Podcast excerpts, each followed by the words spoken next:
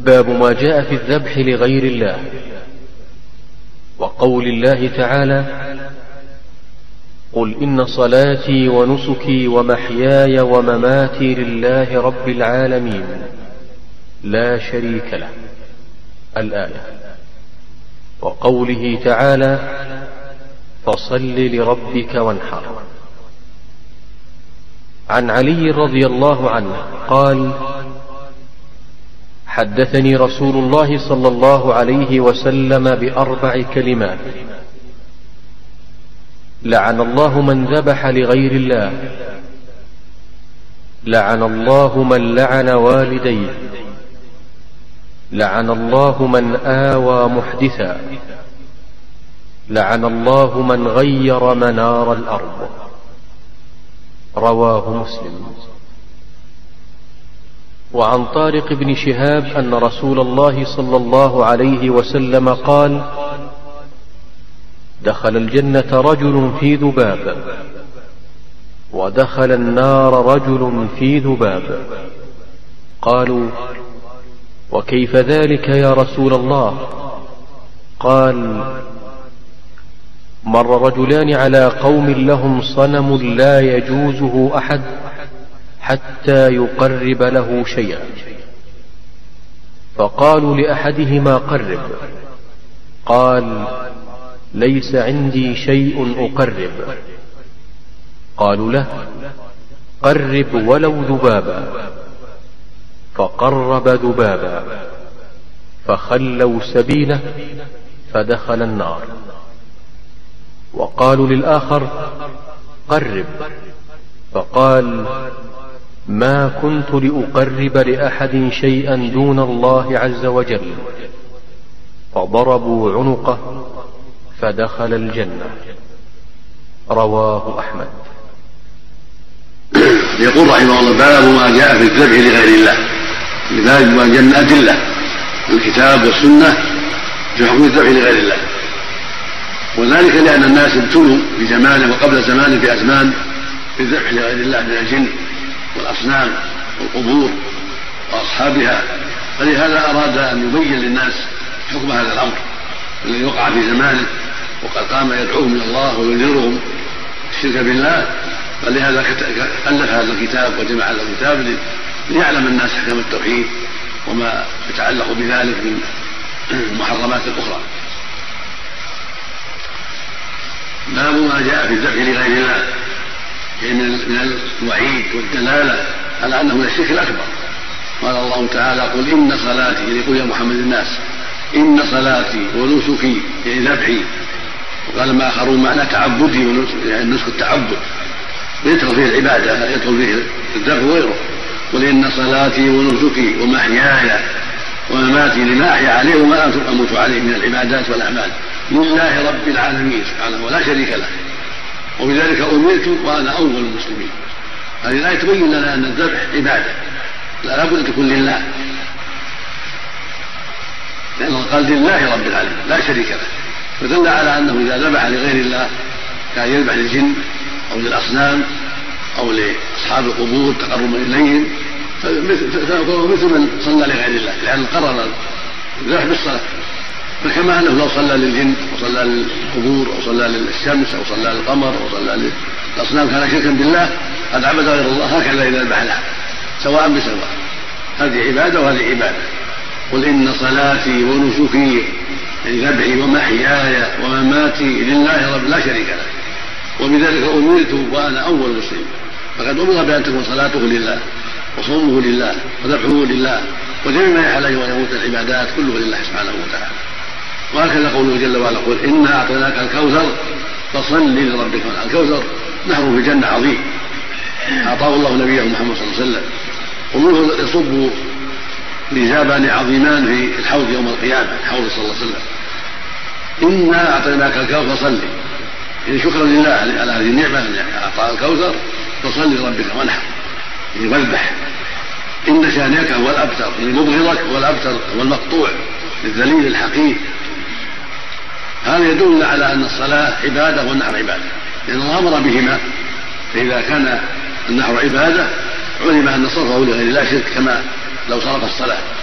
فالذي يذبح الإبل أو البقر أو الغنم أو ما أقل أو ما أقل من ذلك للجن يخشى شرهم كما كانت تفعله الجاهلية ويفعله بعض الناس في الإسلام للجن خوفا من شرهم وهكذا ذبح للأصنام أو ذبح للأشجار والأحجار أو ذبح للكواكب أو لأصحاب القبور كالبدوي أو الحسين أو الحسن أو فاطمة أو النبي صلى الله عليه وسلم أو فلان أو فلان.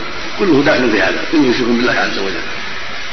إنا أعطيناك الكوثر فصل لربك وانحر. والعبادة ما أمر الله بشرع. هذه هذا أمر. والعبادة أيضا كل اسم جامع كل ما يحبه الله ويرضاه. والله يحب أن يتقرب إليه بالصلاة والذبح. فعلمنا من هذه من هاتين الآيتين أن الذبح لغير الله شرك بالله. هذا حكم الحديث الثاني حديث حديث علي. علي هذا هو ابن أبي طالب ابن عبد المطلب ابن هاشم ابن عم النبي عليه الصلاة والسلام وزوج ابنته فاطمة ورابع الخلفاء الراشدين رضي الله تعالى عن الجميع. يقول حدثه رسول الله صلى الله عليه وسلم بأربع كلمات. وهذه الأربع بينات قال لعن الله من ذبح لغير الله. لعن الله من لعن والديه. لعن الله من آوى محدثا لعن الله من غير من الأرض رواه مسلم الصحيح. هذه أربع كلمات بعضها أشد من بعض. وبدأ بالأولى وهي أشد شيء وهو الذبح لغير الله. لأن الشرك أعظم الذنوب ولهذا بدأ بها. قال لعن الله من ذبح لغير الله. فعلمنا أن الذبح لله عبادة. من صرفه لغير الله كالجن أو الشياطين أو الكواكب أو الأصنام أو أو أهل القبور أو ما أشبه ذلك يكون ملعونا. مستحقا لهذا لهذا الذنب العظيم. واللعن هو الطرد والابعاد عن مظن الرحمة. الدعاء بذلك نسأل الله السلامة. هذا يدل على أنه من الكبائر. وهو من الكبائر الشركية. كما قال النبي صلى الله عليه وسلم بأكبر الكبائر قلنا ما رسول قال الاشراك بالله. الشرك من أكبر الكبائر. الثاني لعن الله من لعن من والديه. لعن الوالدين من الكبائر أيضا. ومن أعظم القبائح ولذلك اللذان أحسن إليك وربياك وتعب عليك لعنهما من أقبح القبائح. وهكذا لعن الناس حتى يلعنوهما كما في الحديث الآخر عن عبد الله بن عون الصحيحين يقول صلى الله عليه وسلم ما كبائر شتم الرجل لوالديه؟ قياس والد يسب الرجل والديه يستنكر ذلك لأن تعظيمهما وبرهما معلوم بالفطر بالعقول وبالأدلة. وهل يسب الرجل والديه؟ نعم. يسب أبا الرجل يسب أباه ويسب أمه ويسب أمه. هذا يبين أن يسب الناس حتى يسب والديه ما لا نساب لوالديه متعرض لهذا. فيكون آثما بسبب أنه سب الناس بغير حق وتسبب في سب والديه من الناس. هذا أيضا من الكبائر. فعليك أن تحفظ لسانك يا عبد الله. الإنسان يحفظ لسانه. ولا يسب. السب والسب قبيح. ومن الكبائر لا يجوز السب سب الناس. قال النبي صلى الله عليه وسلم سباب من الفسوق وقتال الكفر. والسب بغير حق من الكبائر. قال عليه الصلاة والسلام لعن المؤمن كقتله لعن المؤمن كقتله رواه البخاري من حديث ثابت بن الضحاك الأنصاري. فينبغي لك أن تحذر شر لسانك. وقال عليه الصلاة والسلام إن اللعانين لا يكونوا شهداء ولا شفعاء يوم القيامة. خرجه مسلم صحيح أليس من بالطعان ولا اللعان ولا الفاحش ولا البذيء؟ والثالثة من آوى محدثا. معناه الذي يؤذي أهل البدع يؤذيهم وأهل المعاصي وينصرهم يكون ملعونا نعوذ بالله. فالذي يؤذي المحدثين ويحميهم أو يحميهم عن إقامة الحق كالذي يمنع من يقام الحد على الزاني أو السارق أو اللائق أو ما أشبه ذلك يكون ملعونا. وهكذا من أوى البدع من أوى البدع ونصرها وايدها يكون ملعونا نعوذ بالله. والرابع من غير منار الأرض المنار المراسيل. سميت منار لأنها تنير الحق للناس توضح الحق. تنير للناس لتوضحه وتدل عليه. إذا كان بين الإنسان وبين جيرانه مراسيم في الأراضي الذي يغيرها ملعون نعوذ بالله.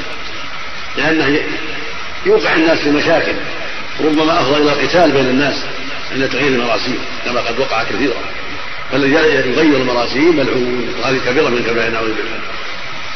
وهكذا ألحق بذلك ما يكون على الطرقات التي تهدي إلى البلدان وإلى المياه لا يجوز تغييرها. هناك معالم ترشد إلى بلد معين أو إلى ماء معين لا يغير والحديث الثاني حديث طارق بن شهاب مسلم هذا الغطاء صحابي صغير رضي الله عنه رأى النبي صلى الله عليه وسلم وروى عنه حديث. وغالب الروايات من حديث أبي موسى الأشعري. هو صحابي روايته مرسله صحيحة. مرسل الصحابي صحيح. يقول رضي الله عنه أن النبي صلى الله عليه وسلم قال دخل الجنة رجل في ذباب يعني في سبب ذباب في السببيه دخل الجنة رجل في ذباب دخلت النار امرأة في حرة بسببها ودخل النار رجل في ذباب. استعجب الناس من هذا. في ذباب هذا الذباب الحقير الطائر الحقير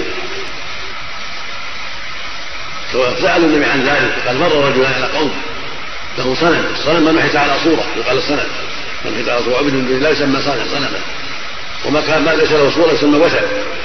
ويطلق على الأصنام الأوثان أيضا تسمى أوثان. والقصة أنه مر رجل على قوم له صنم لا يجوز أحد لا يتعدى أحد. لا يجوز أو لا يجاوز إن لا يتعدى أحد. ما يخلون أحد يمر عليه إلا يقدر الشيء قليل أو كثير. وقال لاحد الرجل قرب قال ما عندي شيء يقرب اعتذر ما عنده شيء. ما قال ما ما, ما يجوز ولا منكر. قال ما عندي شيء يقرب فطبعوا فيه. قالوا قرب ولو ذباب. ما دام أنت موافق قرب ولو ذبابا. المقصود الموافقه فقرب الذباب خلى سبيله فدخل النار. هذا يريد أن أن التقريب للأصنام. ولو شيء حقيقي كالذباب أو ما يشبه ذلك أو جلس أو جلسين أو شيء سوى ذلك يكون من الشرك. لأن عبادة له وموافقة على عبادته وتعظيمه وقالوا للآخر قرب فقال ما كنت لأقرب لأحد شيئا دون الله. الآخر عرف الحقيقة وعرف أن هذا لا يجوز. فبين لهم أنه لا يقرب شيء أبدا. فضربوا عنقه فدخل الجنة. قتلوه. وهذا يحتمل أمرين. أحدهما أن أن الشريعة في ذاك الوقت في شريعة من قبلنا ما فيها ما فيها العذر بالإكراه. ولهذا لم يأخذ الرخصة ويعمل ما يخلصه من شرهم فلهذا بادره والأمر الثاني أنه يمكن أن يكون رخصة وأن هناك عذر له بالإكراه لكن لقوة إيمانه وقوة يقينه وعدم مبالاة بهم لم يلجأ إلى النظر في الرخصة. وبادر بالإنكار. وقال ما كنت لأقرر من الله عز وجل فلهذا قتلوه وكان إلى الجنة والشهادة. هذا يبين لنا أن الواجب على المؤمن الحذر من الموافقة على الشرك والجدار بانكار الشرك.